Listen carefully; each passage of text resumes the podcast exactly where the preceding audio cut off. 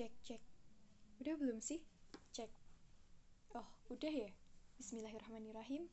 Assalamualaikum warahmatullahi wabarakatuh. Hai teman-teman, gimana? Sehat kan? Pasti kalian gabut ya di rumah aja.